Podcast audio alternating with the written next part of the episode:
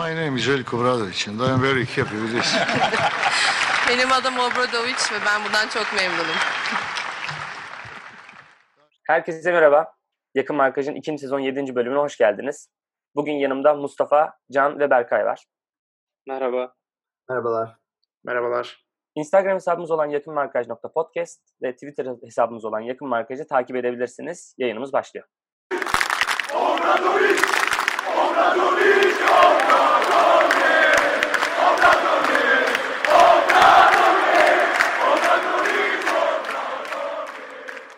Evet, bugünkü yayınımızın e, ana konusu da aslında Obradovic'in ayrılığı, Obradovic'in şok ayrılığı diyebiliriz. E, biraz bundan bahsedeceğiz. E, Can, sözü sana paslamak istiyorum. E, senin süreç hakkındaki düşüncelerin neler? Biraz uzun bir süreç oldu. E, ilk başta Obradovic ayrılacak dendi. Sonrasında e, negotiation'lar başladı. Süreç olumlu ilerliyor dediler. Özellikle İsmail Şenol'dan olumlu e, mesajlar geliyordu. Sonrasında bir anda şok bir ayrılık oldu. Ne düşünüyorsun? Şöyle e, süreç başta e, şundan dolayı uzadı bence. Şimdi e, statta da çok fazla kişi e, Obradovic'in sözleşmesinin yenilenmesiyle ilgili tezahüratlar yapıyordu. Hatta bir ara başkan da sağ içinden ayağa kalkıp e, seyircileri coşturuyordu. Fakat bir anda bize sanki başkanla koç arasında iyi bir iletişim ve görüşmelerin olduğu hissiyatı verirken aslında bir yandan da biz öğrendik ki e, Obradovic'le şu zamana kadar yani şu son görüşmelere kadar herhangi bir sözleşme görüşmesi yapılmamış. Ve e, bu tarafta da yönetim şunu düşünmüş. E, sezon bitince Obradovic'le görüşürüz. Başta böyle bir konuşma geçmiş herhalde. Sezon bitince görüşürüz diye. Fakat koronavirüs olduktan sonra da şimdi Haziran ayına geldik. Yönetim hala sezonun bitmesini beklemiş. Ama Haziran ayına gelince de biraz artık hani 2-3 aylık bir vakit geçti. Obradoviç de herhalde yönetimden bir haber beklemiş. Yani orada ciddi bir iletişimsiz iletişimsizlik olmuş. O yüzden hani %50 bütçeye pay verirsek %50 de iletişimsizliğe pay verebiliyoruz Obradovic'in ayrılma sebebini e, diye düşünüyorum ben. Gerçekten bizim adımıza üzücü bir ayrılık oldu bence. Fenerbahçe basketbol tarihini e, çok baştan çeviren, çok farklı bir e, seviyeye çıkartan bir koçtu. E, umarım e, Obradovic'in yerini dolduramasak da hani en azından Fenerbahçe'nin hedeflerini küçültmeden yolumuza devam edebiliriz. Evet Can dediğinde çok haklısın. Gerçekten hani e, Obradovic'in sadece Fenerbahçe basketbolu için değil, Türkiye basketbolu için de önemli katkı sağladı aslında. Yani artık diğer kulüplerde bir basketbol için e, yatırımlar, önemler başladı. E, tek başına Efes'in oynadığı bir basketbol ligi değil, artık Fenerbahçe'nin de Pınar Karşıyaka'nın ya da hakeza işte Beşiktaş, Galatasaray az da olsa onların da bir e, gelişimi göz ardı edilemez. Yani e, burada dediğin gibi yönetimin de aslında biraz şeyi vardı. Ya, bir sene boyunca hani Obradovic'in sözleşmesi biteceği çok meçhul. Yani belli. E, evet güzel bir sezon geçiremedik. Evet çok, çok sakatlıklar verdik ama hani hoca Obradovic hani rastgele birinden bahsetmiyoruz. E, her türlü bir sözleşmeyi bence hak ediyordu. Burada fazla oradan alındı aslında. Hani sanki Obradovic garanti bizde kalacak sene sonu yapalım. Niye yapıyoruz ki şimdiye döndü biraz. Yani e, Obradovic takımına sadık bir hoca. Yani bence bu kadar beklemek onun da çok hoşuna gitmemiş olabilir. Süreç onu çok yormuş olabilir. Yaşı ilerliyor. Korona olsun. E, takım iyi gitmedi. Ya o da yorulmuş olabilir. Bir senelik arayı ben yani üzülerek hak verebiliyorum. E, fazla ağırdan almak çok doğru olmadı. Yani Obradovic'i burada ölmeye övmeye kalksak çok uzun bir yayın olur. Hani şimdi işte basket maçları seyircisiz oynansa stat yine tıktım tıktım dolar yani öyle bir hoca, öyle bir etkisi var. Hani millet gerekirse İnönü'ye girdiği gibi tekrar Ataşehir'e de girer. Yani öyle bir etkisi olan bir hoca. Ayrılması beni çok derinden üzdü. Yani evet. Ömer sen de bir şeyler eklemek istiyorsan tabii. Şöyle ben de biraz e, emrivaki yapıldığını düşünüyorum. Yani herkes planlamasını yapmışken biraz e, yönetimin Obradovic zaten yıllardır burada tam bütçe 3-5 daha az veririz istediğinden. Zaten nereye gidebilir ki diye bir düşünceyle yola çıktığını düşünüyorum ben biraz emrivaki olarak. Ama işte yemedi, sökmedi bu olay. O burada işte bir yıl dinlenecek. Muhtemelen seneye de yine büyük bütçeli bir takımda takımın başında olur diye düşünüyorum. Evet Mustafa e, sen neler düşünüyorsun? Biraz seni dinleyelim. Ya ben öncelikle şey İsmail Şenol'u ben bu süreçte en olumsuz olduğunu düşündüklerimden biri yani İsmail Şenol. Bence olumlu haber ondan gelmiyordu. Daha çok muhabirlerden geliyordu. İsmail Şenol hatta bu sözleşmenin ben olumlu biteceğini bile düşünmüyorum diyordu. Evet evet. ben Üçüncü de- günde yanılmıyorsam, üçüncü günde yanılmıyorsam e, olumlu haberler, olumlu haberler gelmişti. Şimdi tekrar Twitter'dan bakayım. Aralarında olumlu istersen. bir ilişki vardı. Hani onu belki öyle okumuşsundur ama Ya o, o, o, o gündeme gitti de İsmail Şenol'un kendi görüşü genelde olumlu biteceğini düşünmüyorum diyordu. Çünkü halihazırda takımdaki maaş yükü vesaire işleri var ve Obradovic belli bir bütçenin altında oynamaz. Yani Guardiola'ya 30 milyon euro bütçe versen City'de oynamaz yani. Oynamaz Evet, derken yönetmez anladım. işte. Ee, onun için Obradovic'in belli bir şeyin üstünde kalması lazım. Obradovic'in gidebileceği bir yer meselesini de yani Barcelona, Milano, Real Madrid, Ceska bayağı e, yatırım yapıyor. Hepsinin de planlamaları yapıldı. Yani gidebileceği bir yer yok Obradovic'in zaten. Obradovic'in büyük etkisi bence basketbolu kitlelere yayması oldu. Yani Türkiye'de 2010 yılının 2010'un başlangıcından itibaren bir basketbolun yayılması oldu. Bu Dünya Şampiyonası'nda ikincilikle beraber gelen. Ama sonra bunun bir şeyi de lazımdı. Yani Euroleague tarafında bir başarı olmalı ki e, halkın tamamı buraları takip etsin. Basketbol seyircisi artsın, basketbol kültürü artsın. Fenerbahçe'nin seyircilerinde de görüyorduk yani. E, itirazların böyle sadece e, futbol maçında bütün hakemlerin kararına yuh çeken bir taraftar değil. Gerçekten e, bilerek daha e, itiraz eden bir taraftar olmuştu. Ve yani bütün e, Türkiye genelinde Euroleague finalleri izleniyordu vesaire işte, takip ediliyordu. Herkes Obradovic'i biliyordu genci yaşlısı. Yani fut, Türkiye'ye basketbolun sevilmesi meselesi çok büyük katkısı oldu. Bugünden sonra Obradovic ile beraber Türk Fenerbahçe'de az buçuk bir gelenek oluştu. Efe, buyur Can. Keseceksen kesebilirsin sözümü. Yo ben e, senin bu bütçe konusuna şey yapacaktım. İstiyorsan sözünü bitir sonra ben bütçeyle ilgili bir iki bir Yok, şey sen, sen söyle. Sen, sen söyle, sen söyle. Ya. Bütçeden ben başka bir yere kayacaktım. Anladım. Ya şimdi bütçeyle ilgili benim e, söylemek istediklerim şunlar. Ya bizim bir de görmediğimiz bir olayların perde arkası var. Şimdi mesela ben birkaç araştırma yaptıktan sonra şunu öğrendim. E, Ülker Spor Arena'dan mesela 5 milyon euro senede biz katkı sağlıyormuşuz. Kiralamalardan, localardan, saha içinden ve 7 bin 8 binlik kombine satışlarından. Ve şimdi yüksek ihtimal seneye Euroleague seyircisiz başlayacakmış. Bir defa bunu e, şeye yazamıyorsun. Gelir tablosuna böyle 5 milyon euroyu yazamıyorsun. Otomatikman 5 milyon euro düştüm buradan. Ayrıyeten geçen sene transfer yapılırken baskette dolar kuru 5.6'ymış. Şu an 7'ye yakın. %25'te dolar kurundan küçüldün. Yani aslında böyle bir koşulda Obradovic'i tutamaman çok normal. Bir de üstüne iletişimsizliği eklediğin zaman zaten elindeki bütün kozlar e, kalkıyor. Yani Obradovic'i nasıl tutacaktık biz? Obradovic'i ikna edecektik. Hani bu duygusal olaylar olmasaydı zaten Obradovic 30 milyon eurolardan 15-18 milyon eurolara niye insin? Yani bu %40, %50'lik düşük, a- düşüş az bir düşüş değil. Çünkü senin rakiplerin Real Madrid ve Barcelona kadro koruyor bu sene. Milano tarihin en büyük yatırımını yapıyor. CSK Moskova küçülmeye gideceğim dedikten sonra Şengeli'ye 1 milyon euro verip Baskonya'dan çekiyor. Anadolu Efes en iyi oyuncularla sözleşme imzalayıp 24 milyon euro kadrosunu koruyor.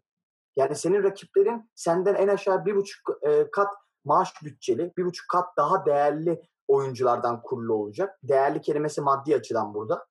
Bu yüzden hani yarışa tutunman için yapabileceğin şey Obradovic'i duygusal bağlamda tutabilmekti. Hani biz çok iyi başarılar yaşadık, bu taraftar senin arkanda falan. Ama anladığım kadarıyla o işte tam yürümesi gerektiği gibi yürümedi. Ve sonuç kaçınılmaz oldu. Yani biz 3-5 gün evvel konuştuğumuzda umutlu konuşuyorduk ama sanki olayları bilmeden umutlu konuşuyormuşuz gibi geldi. Böyle bir durumda Obradovic'in kalmaması bana aşırı bir şekilde normal geliyor. Ya haklısın evet o var. Bir de fut, biraz şeyle kulübün belli bölümü belli bir tarafını kötü yönetince diğer tarafını da etkiliyor zaten. Yani basketbolda da bu Kesinlikle. sene iyi bir kadro yapılanması olmadı. Yani team management meselesinde bir hata olduğu kesin. e, bu seneki Kesinlikle. performanstan ama öyle bir senede Obradovic'i veya işte Gerardini'yi harcayacak da değiliz yani. Onların Kesinlikle. oturttuğu az buçuk bir takım kültürü, bir gelenek var Fenerbahçe'de. E, yani üst üste bu kadar Final Four'a gitmek. Yani geçen sene bu takım bir rekor kırarak birinci bitirdi yani Euroligi. Final Four'u da belki kazanamadı, finale çıkamadı ama yani Sakatlıklar performans gösterdi.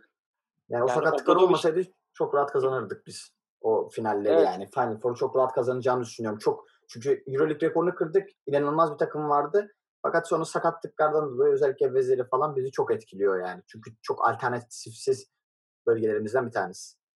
Ya hem o var hem de Fenerbahçe'nin e, bu seneyi saymazsak e, o efsane 4 senesinde ya da 4 5 senesi 4 sene üst 5 sene üst üste şeye çıktığında Fenerbahçe sadece bir oyuncunun böyle insan yani olağanüstü bir performansıyla yeniliyordu. Yani Larkin işte geliyor 40 atıyor e, Final Four'da ve yeniyor seni. Öyle öyle Evet. bir yerde yeniliyordu. Yani birisi gelip Fenerbahçe'yi "Abi o kadar iyi oynadılar ki yani belki Ceska olabilir ya da Real yani. Onun dışında öyle ya bunlar müthiş oynadılar ve Fenerbahçe'yi dağıttılar diyebileceğim maç sayısı 3-5'i geçmez yani 5 senede. 150 maç içinde. Obradoviç'le beraber oturmuş az buçuk geleneği e, bir şekilde korumak lazım. Yani yönetimin e, ya bu, buradan çok gelir gelmiyor zaten. Biraz biz burayı düşürelim. Düşük bütçeyle kim iyi yapar falan diyeceğini ben çok sanmıyorum. Yani bütçe yine 16-17 civarlarında kalır bence. Belki 18. E, oraya da e, yabancı birini getirmeleri, yani Yasikevicius'un ismi her yerde geçiyor ama Yasikevicius'u nasıl çekeceksin? O da var. Yani bir sözleşmesi var hala devam eden. Evet. Direkt gelir mi bilmiyorum. Bence boşa çıkmadan geleceğini de sanmıyorum. Çünkü biraz Gelirse tecrübe olur. isteyebilecek olabilir. Güzel olur gelirse ama olur. bir ara dönem olarak yerliye dönülme meselesini e, ben de ciddi olarak düşünülebileceğini düşünüyorum. Kim öneriniz var mıdır? Berkay sana sorayım. Sence bir yerli hocayla anlaşmak istesek baskette kimle anlaşmalıyız? Ya ben ayrılı, ayrılık ihtimalini hiç düşünmediğim için aklımda hiç şey de yoktu ya açıkçası. Ee, yani bir isim de yoktu. Yani bir teşekkürler e, bu şeyi bir postu bile paylaşmayı hiç düşünmemiştim. Hiç ayrılık aklımdan geçmiyordu. O yüzden hiç isim de düşünmedim yani açıkçası. Doğru söylüyorsun. gelecek yapılanmasına geçmeden önce yani bu Obradovic'in e, kazandığı başarıları falan e, zaten anlatmayacağım. Ne kadar büyük bir hoca olduğu belli. Sadece bu şeyi paylaşmak istiyorum. Obradovic'ten sonra takımların ne duruma geldiğiyle alakalı bilgi.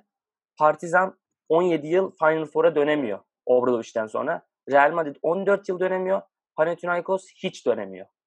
Yani aslında e, gidişi de takımlar adına bir açıdan yıkıcı oluyor belki de o e, kültürü çok yerleştirdiği için kendisi o kadar büyük biri ki orada onun eksikliği hissediliyor ve belki işte 10 yıllarca dönemiyorlar tekrardan Final Four'a. Evet. İnşallah Yani biz böyle bir durumla karşılaşmayız. Siz şimdi neler düşünüyorsunuz bu sene için? Yanılmıyorsam Wesley dışında tüm oyuncular ayrılmak istiyormuş. Yine İsmail Şenol söylüyor galiba.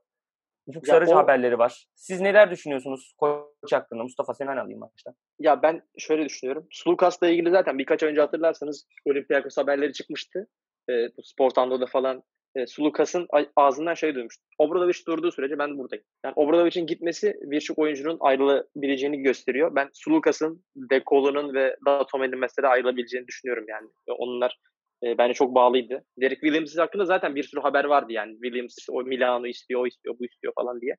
E, Williams'ın da gidebileceğini düşünüyorum. Bir şey, abi şur, burada da şöyle bir şey var. Bu oyuncuların halihazırda devam eden sözleşmeleri var. Mesela Datome'nin, Sulukas'ın. Yani bu oyuncular için bir buyout maddesi falan mutlaka vardır veya bir e, bonservis şey ödenmesi lazım. Ve şu an Fenerbahçe'den az para da almıyorlar. İyi para alıyorlar yani oyuncular. Bunu başka bir takım karşılayabilir mi? Emin değilim. Oyuncular gitmek istese bile diğer kulüpler e, bu ortamda nasıl bir şey yaparlar? Tam bilemiyorum yani Lucas şöyle- haricinde.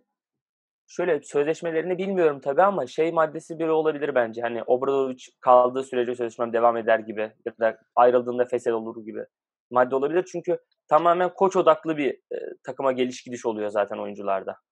Ondan dolayı bunu da garanti altına almışlardır diye düşünüyorum ben. Olabilir yani böyle bir durum. Olabilir. Evet. Yani bir bakmak lazım. Öyle maddeler futbolda falan koyanlar oluyor ya.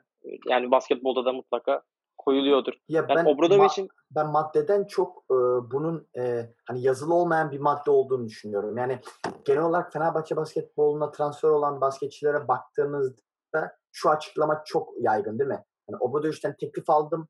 Hayalimde çalışmak istediğim koçtu. Diğer kulüpleri değerlendirmedim bile. Yani bu klişeden öte bence. Bu gerçekten hani o anlama gelen bir cümle.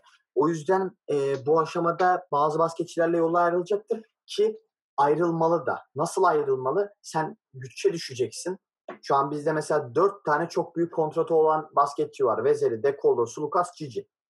Sulukas büyük ihtimal bir şeyle Olympiakos'la anlaşacak. E, Mustafa'nın dediği gibi yani Obradovic'in kalıp e, gitmesiyle alakalı bir durumda. Obradovic gitti, Sulukas da gidecek bence. Cici D'Atomo ile ilgili İtalyan basında çok yoğun haberler dönüyor. Yani ateş olmayan yer, duman olmayan yerden, ateş olmayan Ateş yerden olmayan duman çıkmaz. Evet. E, o yüzden e, şeyin de gideceğini düşünüyorum. E, Cici D'Atomo'nun da gideceğini düşünüyorum. Vezeli'nin takımda kalacağını düşünüyorum. Yani böyle bir iki hani bir iki yerden oyuncuları bırakmak gerekiyor ki o bütçeyi düşebilelim. Yoksa o bütçe e, düşülmeyecek. Ama e, yani ciddi bir küçülmeye gidecekmişiz gibi geliyor. %40, %50 hiç az bir küçülme değil. O yüzden bu aşamada üstteki takımlarla nasıl mücadele edeceğiz? E, ben de çok kestiremiyorum açıkçası. Yani şöyle bir durum var bence burada. Ee, mesela Galata şey Galatasaray diyorum ya Efes'in e, bütçesi aslında 18 milyon euro. Yani 20, geçen sene 24. 24. Ha, 18. 18 24 mü? Emin misin? 18 Ben benim bildiğim 18. Şey, sanırım 12 maaş, o budget genel 18. Yani en azından Evet bu lig Mustafa'nın dediği başında gibi. öyle bir veri vardı. Yani e, tabii ne kadar bilmiyorum da ben bir internet sitesinden almıştım o veriyi. Yani düşük bütçeyle başarı getirebilecek bir isim aranması daha muhtemel. Mesela Zalgiris'in bütçesi şey 11 milyon euro falan. Yani onun için Yasikevicius aslında düşük bütçeyle bir şeyler yapmaya çalışıyor. Yani daha büyük bir yerde oynamaya hazır mı?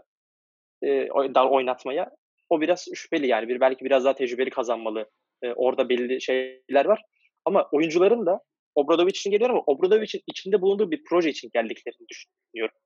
Yani Obradovic o insanları çekiyor ama Obradovic onlara bir şey veriyor. Yani ben varım onun için gel sadece değil de bir proje var burada. Bir, bir yatırım var. O projeyi bir daha üretmek lazım. Yani Gerardini durduğu sürece yeni bir proje üretilebileceğini düşünüyorum. Yani Obradovic gibi ge- gelen gideni aratabilir. Evet Obradovic çok büyük bir hoca. Yani onunla lafımız yok zaten. Obradovic'in yerini böyle doldurmak da çok zor. Ee, ama Obradovic'i evet, ha, 24 Fenerbahçe Evet. 20 24 milyon euro.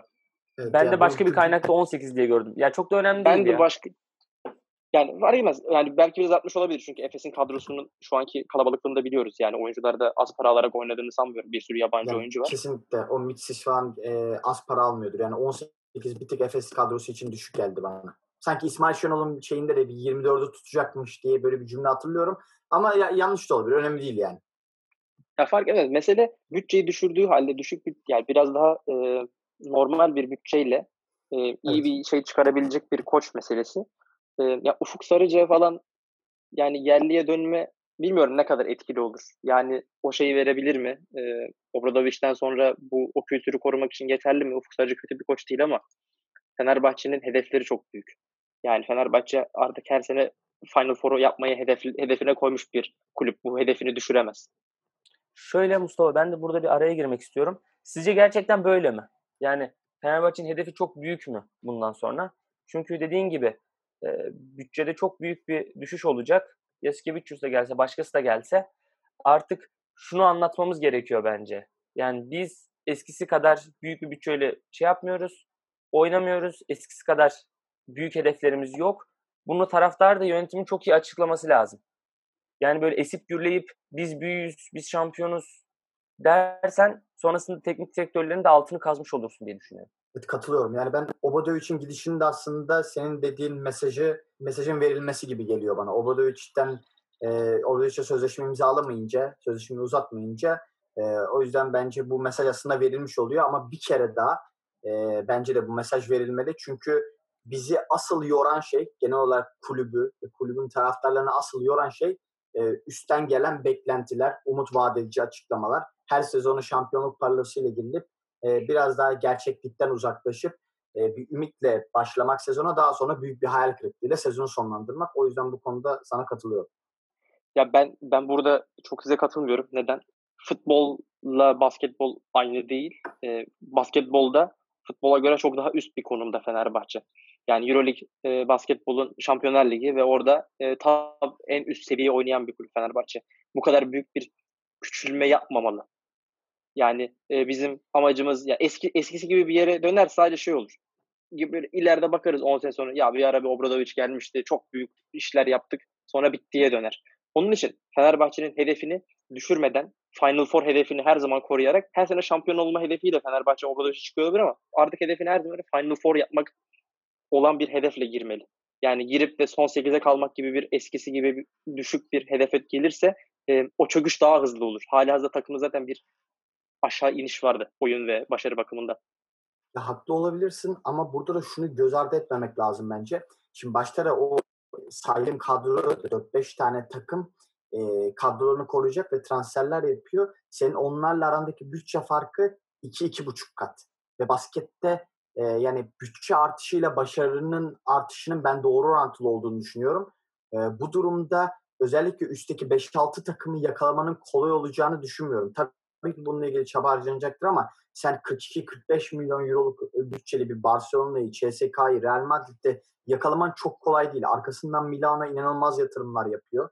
Yani Efes zaten çok iyi bir kadro şu an lider. Hani o Final Four tabii ki bu söylenmeli ama hani biz Final Four'un zaten favorisiyiz gibi çok net açıklamalar yap açıklamalardan bence kaçınılmalı çünkü öyle değiliz artık. Zaten şöyle Ufuk Sarıcı'ya getirip böyle bir şey yapsınlar demiyoruz. Ona göre bir yol haritası çizilsin. Ya küçülmeyi ben açıkçası ben kabul etmek istemiyorum yani. Sonuçta basketbol da bizim kulübümüz.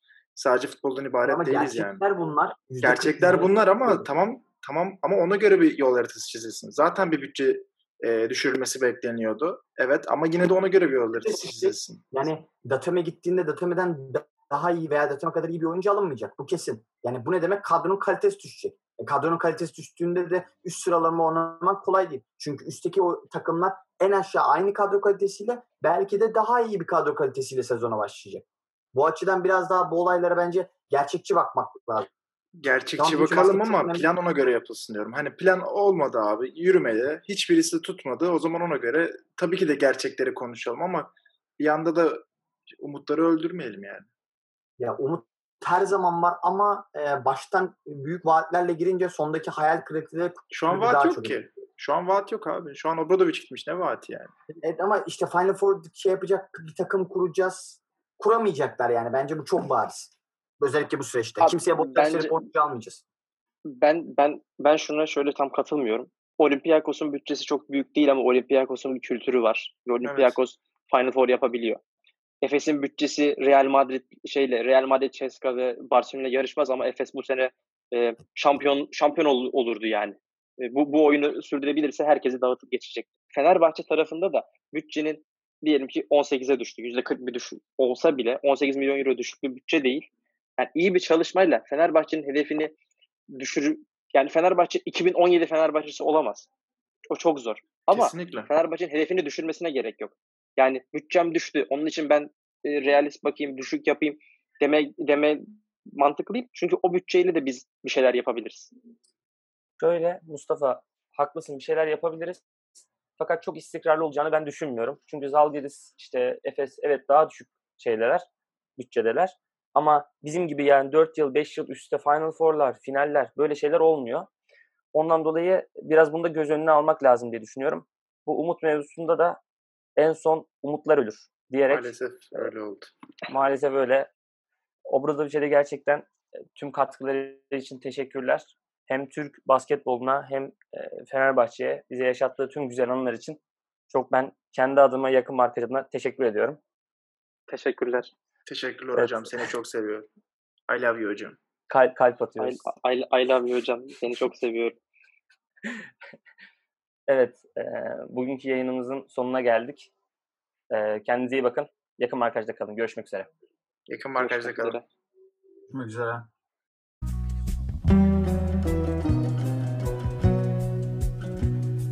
Wh- When it's May, how do you win all the games?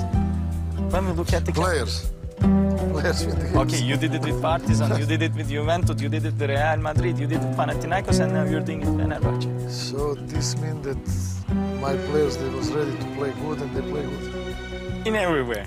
everywhere. Okay, you're, you're being I'm modest. happy because I have good players.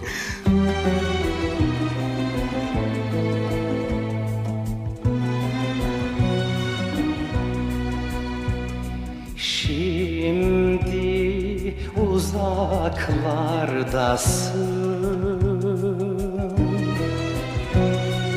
Gönül 是那么多。